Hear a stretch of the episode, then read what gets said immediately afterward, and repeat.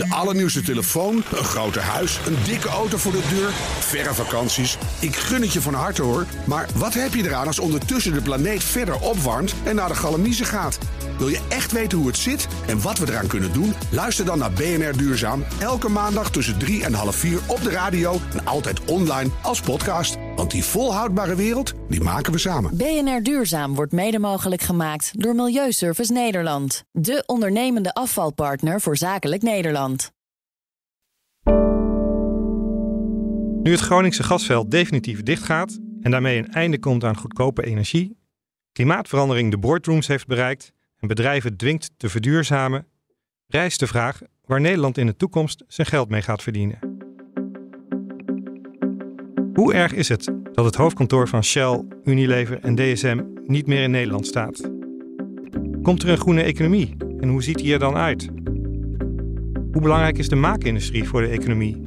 En moet de overheid actief industriebeleid voeren of juist alles aan de markt overlaten? Ik, Bert van Dijk, ga samen met mijn collega Pieter Kouwenberg op zoek naar het toekomstige verdienmodel van Nederland. Door met verschillende mensen in gesprek te gaan. Dit is aflevering 1. De Idealist. Gaan we nu naar een idealist, Bert? Uh, zeker, volgens mij wel. Okay. Ja, want uh, we zijn op weg naar Marjan Minnesma. En jij had haar op de lijst gezet. Ja. Waarom eigenlijk? Nou ja, het gaat over de toekomst van Nederland. Uh, onze podcast. En ja, zij heeft daar volgens mij wel ideeën over. Vanuit haar perspectief. En zij is voor mij altijd wel een, uh, wel een beetje een pragmatische klimaatactivist. Je hebt natuurlijk veel klimaatactivisten die alleen maar nee roepen en overal tegen zijn. Maar zij komt ook wel met echte oplossingen. Dus zij, en zij praat, ze heeft ook wel uh, een open deur in, uh, in Den Haag. Dus zij praat met Rutte.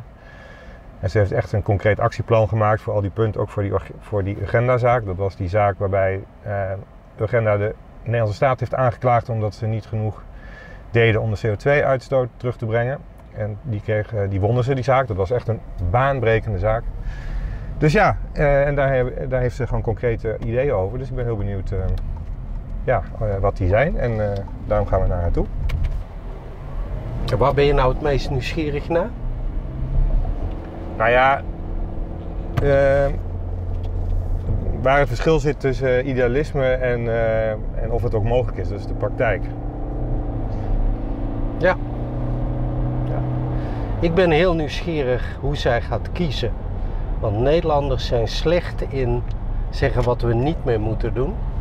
Dus we willen de kool en de geit sparen. We willen het liefst alles blijven doen. Ja. En dat de overheid dan maar alles financiert. Um, en daar geloof ik helemaal niet in. Ik denk dat we op een drempel van een soort transitie staan. En dat... Uh, we tegen grenzen oplopen in alle opzichten, letterlijk en figuurlijk. Dus ik ben heel benieuwd uh, waarvan zij zegt: hier moeten we mee stoppen qua industrie en hier moeten we mee doorgaan. Ja, en weinig mensen weten het, hè, maar zij is natuurlijk bekend van hun agenda, maar zij is ook onderneemster. Je meent het? Zo is ze ooit begonnen. Dus dat is natuurlijk ook wel En wat, wat doet ze dan als ondernemer? Nou ja, ze heeft volgens mij uh, helpt ze mensen uh, verduurzamen. Dus uh, als je je huis van het gas af wil halen, dan kan ze daar een plan voor maken en kan ze je adviseren volgens mij. En ze is volgens mij begonnen als importeur van ook van duurzame producten, zoals zelfs elektrische auto's, warmtepompen. Dus, Zonnepanelen ongetwijfeld. Ja. Oké, okay, dus ze is ook nog ondernemer. Dus eigenlijk preekt ze een beetje voor eigen parochie. Nou ja, dat kunnen we haar vragen. Oké, okay, nou misschien om te beginnen even een korte introductie. Uh, wie ben je en wat doe je? Mijn naam is Marjan Minnesma, ik ben directeur en oprichter van Urgenda. En wij proberen Nederland zo snel mogelijk uh, duurzaam te maken. Uh, eigenlijk over de volle breedte. Waar zitten we nu?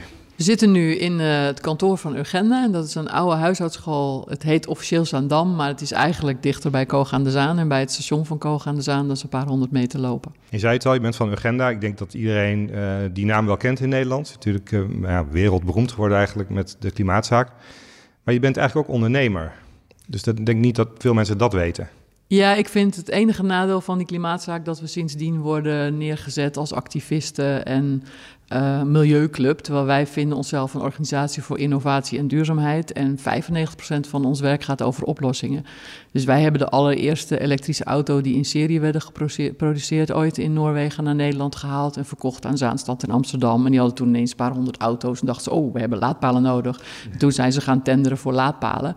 En daarna hebben we de eerste collectieve inkoopactie gedaan van zonnepanelen. 50.000 zonnepanelen, dat was toen 10 megawatt geïmporteerd met omvormers en alles om het op je dak te leggen. En daarna dachten heel veel anderen, oh, wij kunnen ook wel collectief gaan inkopen. En nou, dan gaan wij weer wat anders doen. En daarna zijn we begonnen met Thuisbaas, project om huizen energie-neutraal te maken.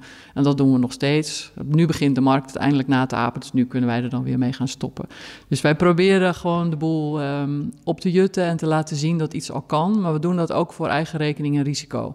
Dus als die boot met die zonnepanelen op een ijsberg was gevaren, dan dekt de verzekering dat niet en dan had ik mijn huis uitgemoeten.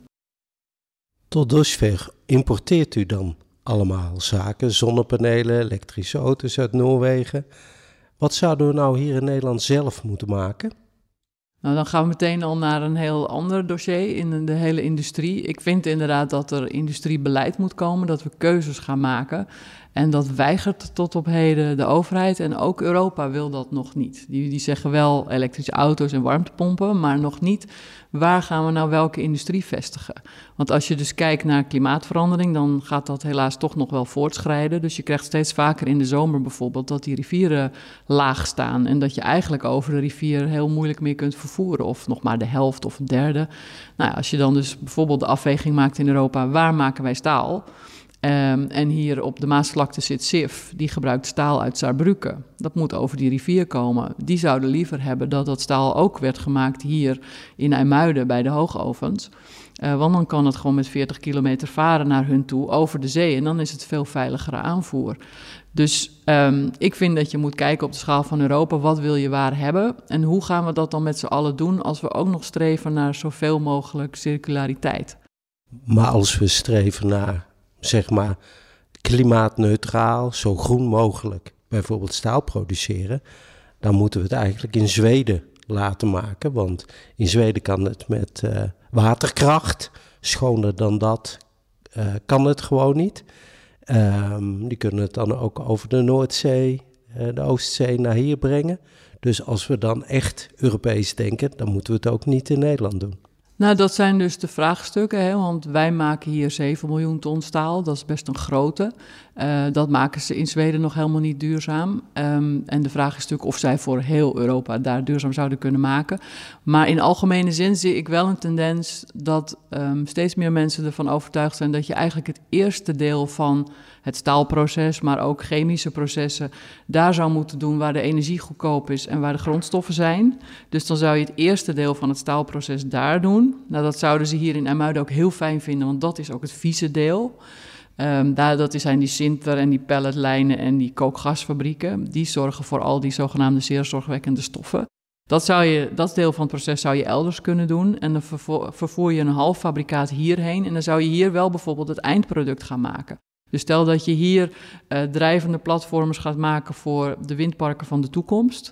En op die drijvende platformen wil je ook waterstof gaan maken, omdat waterstof aan land brengen eigenlijk goedkoper is dan elektriciteit aan land brengen. Dan zou dat een heel mooi nieuw product hier kunnen zijn. Dat betekent voor Tata Steel wel dat het een hele andere productlijn is. En zij zitten heel erg nu nog in het frame van we willen blijven doen wat we doen. En we maken nu zeg maar staal voor autodeuren, voor blikjes en een beetje voor de bouw.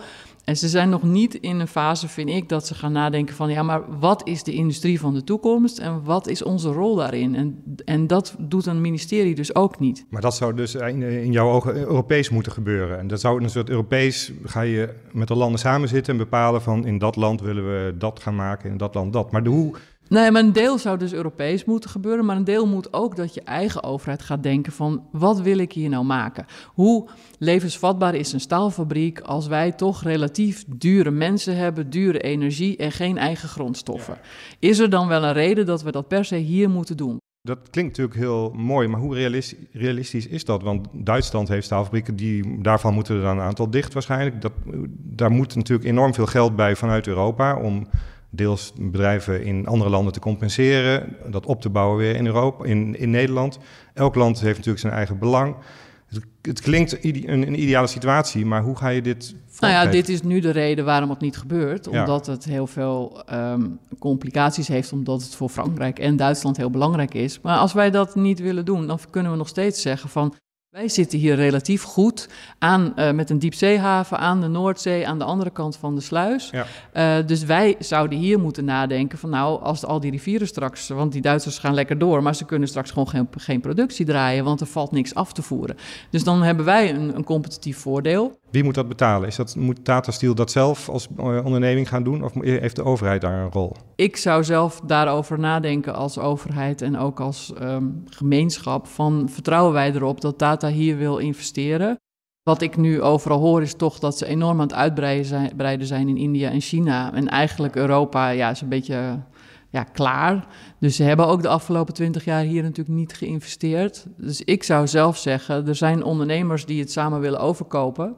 Ik zou het opkopen en dan ontwikkelen naar een, nieuwe soort staalhub waar je ook veel circulairder wordt. Want wat de plannen van Tata nu, uh, zit ik vrij diep in, maar daar kan je maar tot 15% schroot gebruiken. Dat noemen zij dan schrot. Uh, dus dat is helemaal niet circulair.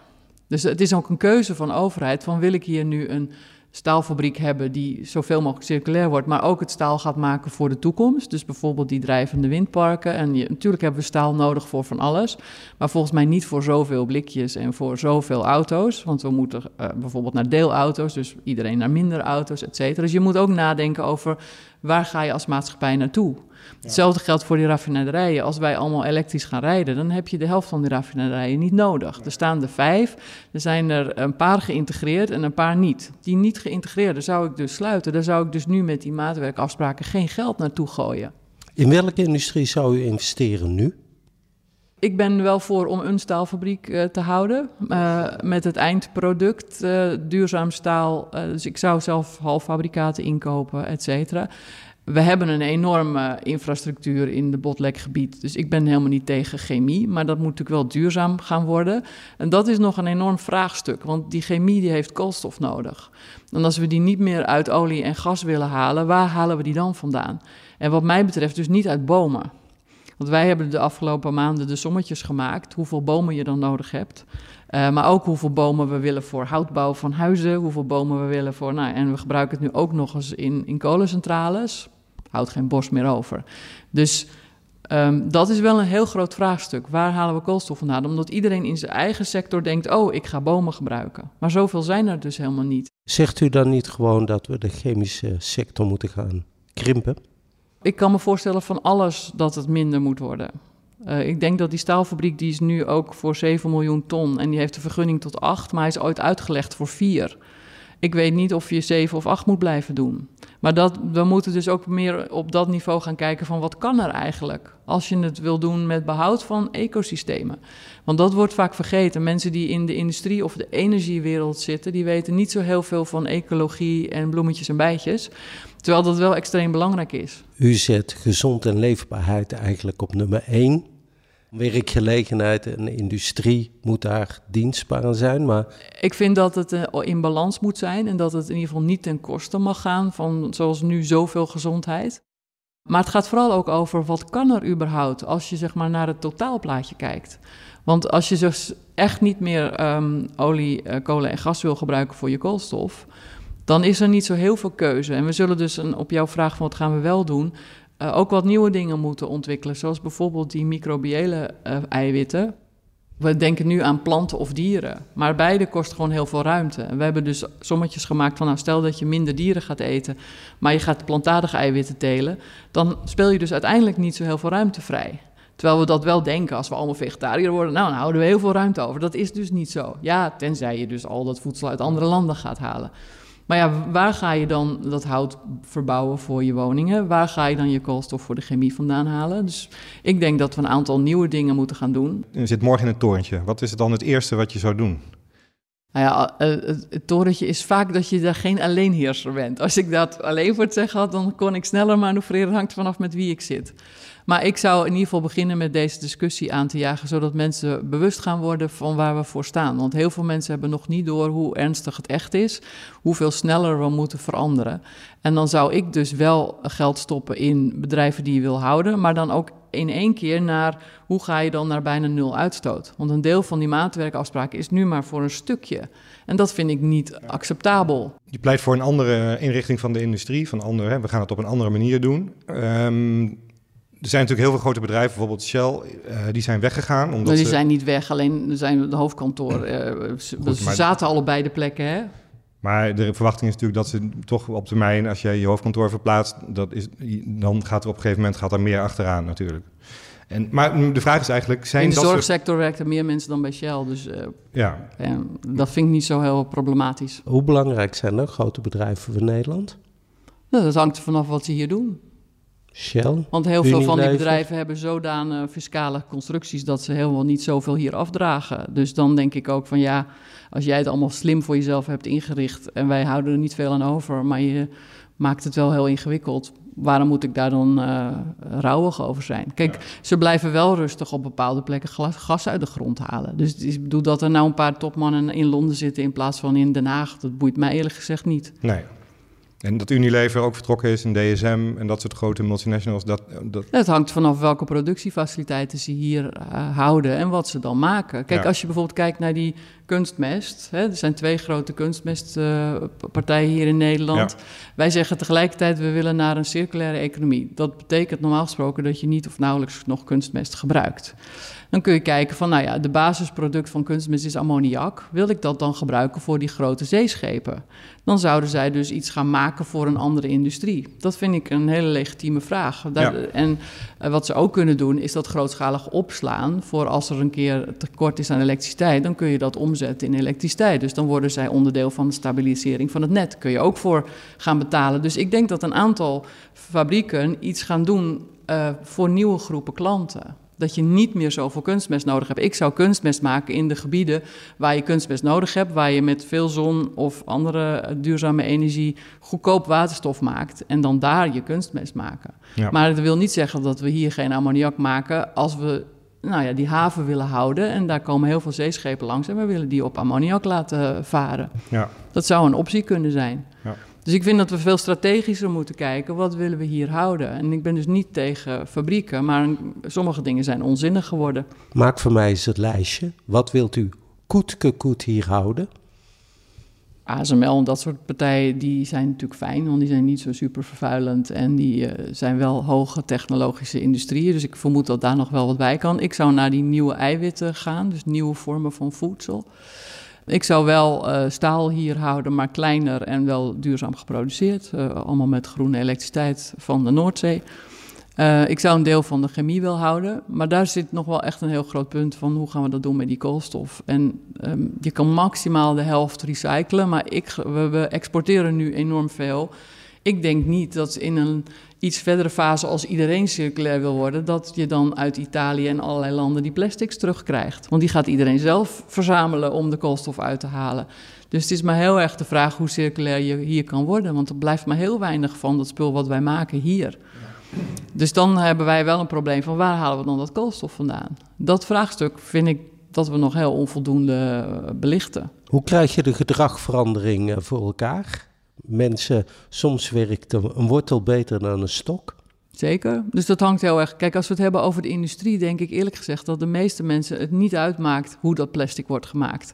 En, en die hebben nog nooit gehoord van een EAF die staal maakt. Maar ze, maakt ze wel uit of ze uh, in een schone omgeving zitten. En of ze niet de, de vieze, gore stof van hun uh, uh, ramen afvegen. Ja, maar uiteindelijk wat, waar mensen in de samenleving over gaan vallen of niet, is of, of eh, of het betaalbaar is, of ze hun rekeningen kunnen betalen. En de hele transitie die je nu net schetst en die dan in tien jaar moet plaatsvinden, dat gaat zo verschrikkelijk veel geld kosten. Dat kan niet anders dan dat dat voor een groot deel bij burgers terechtkomt. Dat zul je moeten uitleggen en zeker als je ook nog bij die burgers een aantal vrijheden wil, wilt gaan inperken. We gaan dat geld natuurlijk uitsmeren over een langere periode. Hè? Want je doet een investering en die schrijf je heel lang af. Ik denk als het zeg maar onze auto. Als je een duurzame staal wilde gebruiken voor auto's, werd die auto 200 euro duurder. Ik denk niet dat dat veel uitmaakt, in alle eerlijkheid. Dus het Ja, valt het gaat eigenlijk. dan ook over het plastic wat in de auto zit, wat straks duurzamer Ja. is. Dat is weer 100 en zo. Nou ja, maar dan is die auto 500 euro duurder. Ik denk dat daar die auto niet minder om gekocht wordt. En in alle eerlijkheid zou het natuurlijk ook niet erg zijn als we wat minder gaan kopen. Als we langer doen met onze spullen. Als we niet elke zoveel jaar een nieuwe bank willen of eh, een nieuwe auto. We moeten eigenlijk ook met alle grondstoffen veel zuiniger gaan doen. Dus we moeten veel langer met onze spullen doen. De industrie wil dat niet, want die wil een hogere omzetsnelheid. Maar voor de samenleving zou het heel fijn zijn als dat wat langzamer ging. Dus wij hebben die sommetjes wel gemaakt. En voor heel veel producten zijn dat dus niet zulke schrikbarende bedragen. Juist omdat ze gewoon zoveel producten maken. Als je het versmertst over heel veel producten, is het niet zoveel. Het is heel lastig om geld te krijgen en om geld te verdienen in zo'n nieuwe economie. Nou, ik vind dus dat daar een overheid ook moet helpen. Als we dus eerst bepalen wat willen we, dan moeten we daar ook steun tegenover zetten. Maar dat, dat eh, wat willen we, dat weigert tot op, tot op heden eh, dit kabinet. Rutte zelf, maar ook Adriaansens wil geen visie hebben. Nou, dat vind ik, eh, nou eigenlijk is het gewoon schandalig, want dat is stap één voordat je keuzes kunt maken. Je zit met die maatwerkafspraken eigenlijk ook een beetje in het donker te acteren. Want waarom ga je nou geld direct gooien tegen dingen die eigenlijk over 10, 15 jaar niet meer levensvatbaar zullen zijn? Omdat de markt denkt dat ze nog wel levensvatbaar zullen zijn. De markt uiteindelijk, als je het aan de markt overlaat, dan Nou, ik weet dat niet, maar die markt denkt als ik nu een miljard kan krijgen, dan, dan wil ik hem best hebben. En als ik dan over 15 jaar omval, ja, dat is niet mijn probleem. Nou ja, de meeste investeerders eh, investeren wel op iets langere termijn. En zeker wat de grote beleggers. Dus er, dat ze, het feit dat grote pensioenfondsen niet massaal windparken aanleggen bijvoorbeeld... of dat is toch ook, eh, heeft toch een reden? Dat, Ik denk dat windparken wel een goede investering zijn. Maar bijvoorbeeld eh, die staalfabriek, ik denk dat dat vooral een, eh, een overweging is van Tata Steel zelf. En die denkt van, nou, als ik een miljard kan krijgen van de Nederlandse overheid, dan doe ik dat nu. En als het dan over 15 jaar omvalt, ja, helaas pindakaas.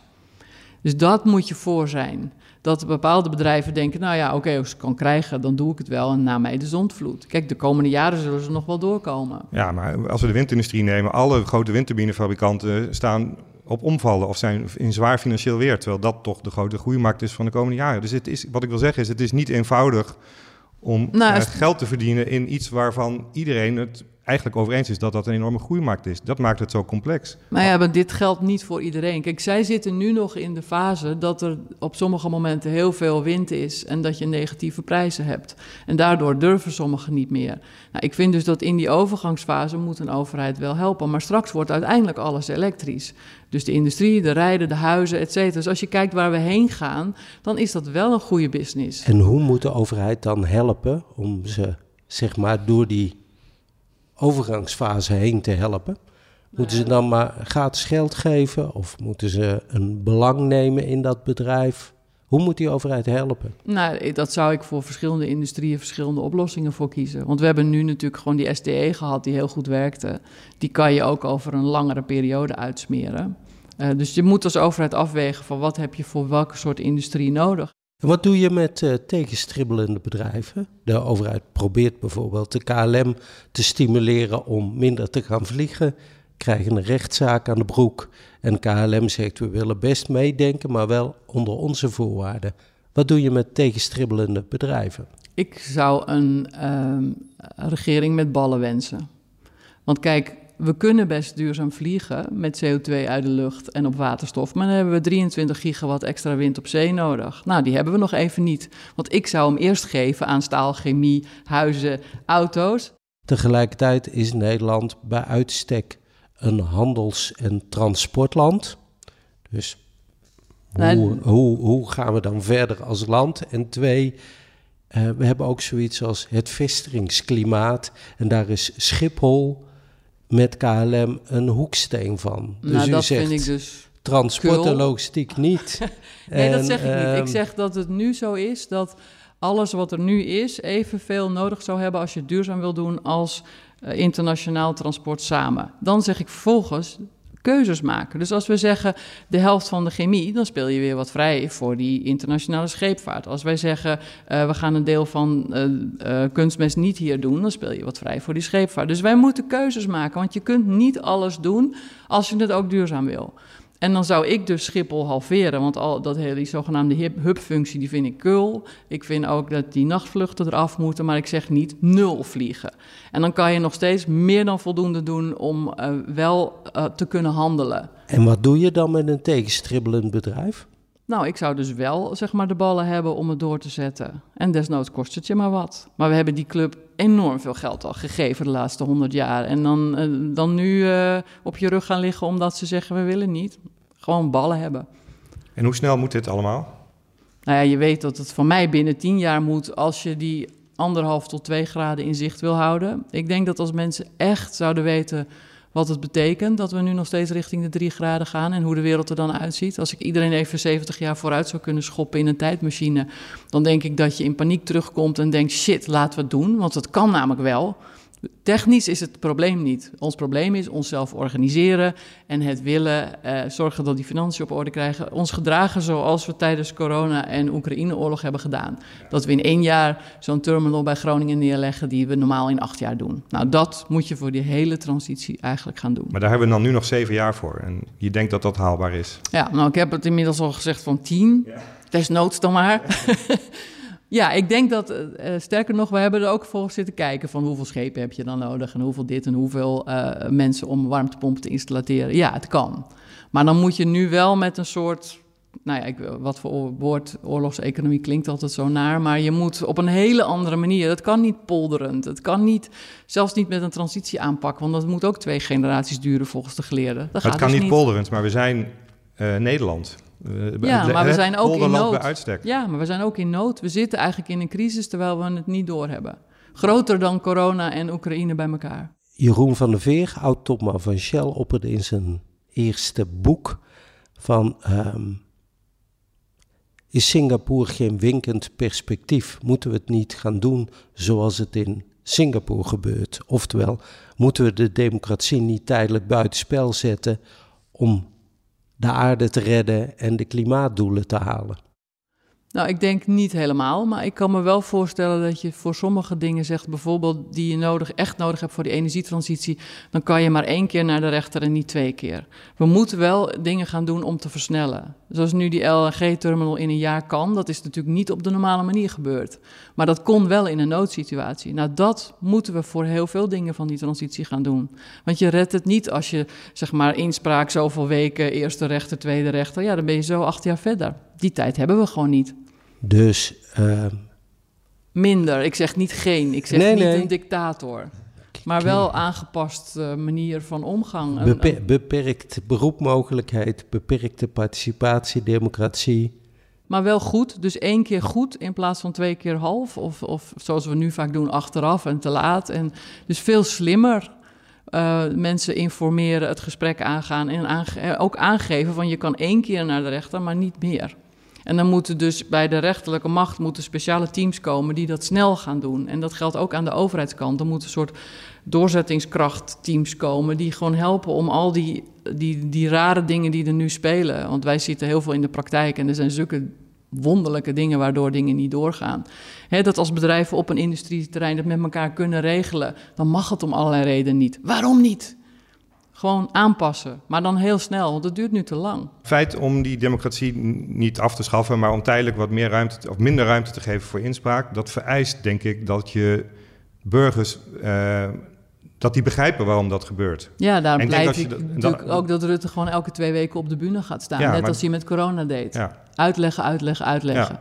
En dan niet alleen maar kommer en kwel. Maar dan nog is dat, zal een deel van de bevolking daar niet in meegaan. Nee, maar ja, het geldt voor alles. Ja. Je kan niet iedereen blij maken. Daarom moet je ballen hebben. Ook als vrouw. Ben je optimistisch over de toekomst van Nederland? Als je kijkt naar alle andere landen zijn natuurlijk hier ook mee bezig. Er was veel kritiek in het verleden, ook op Nederland, dat we veel te langzaam gingen. Dat gaan we misschien in jouw ogen nog steeds. Maar als je kijkt naar andere landen, ben je dan optimistisch of ben je, denk je dat we compleet worden voorbijgestreefd uiteindelijk door China, Amerika, andere Europese landen? Of is er hoop? Ik uh, houd graag altijd hoop. En dat lijkt me ook de enige manier om voorwaarts te gaan, want anders ga je op je rug liggen en word je depressief. Um, ik denk dat we, ik benader het niet uit voorbijgestreefd worden, ik benader het uit klimaatverandering en biodiversiteit. Ik denk dat er nog heel veel verloren gaat, uh, maar dat we wel op enig moment de weg omhoog gaan vinden. En dat dat ook kan. En daar hou ik me graag aan vast en probeer ik op alle mogelijke manieren op te duwen.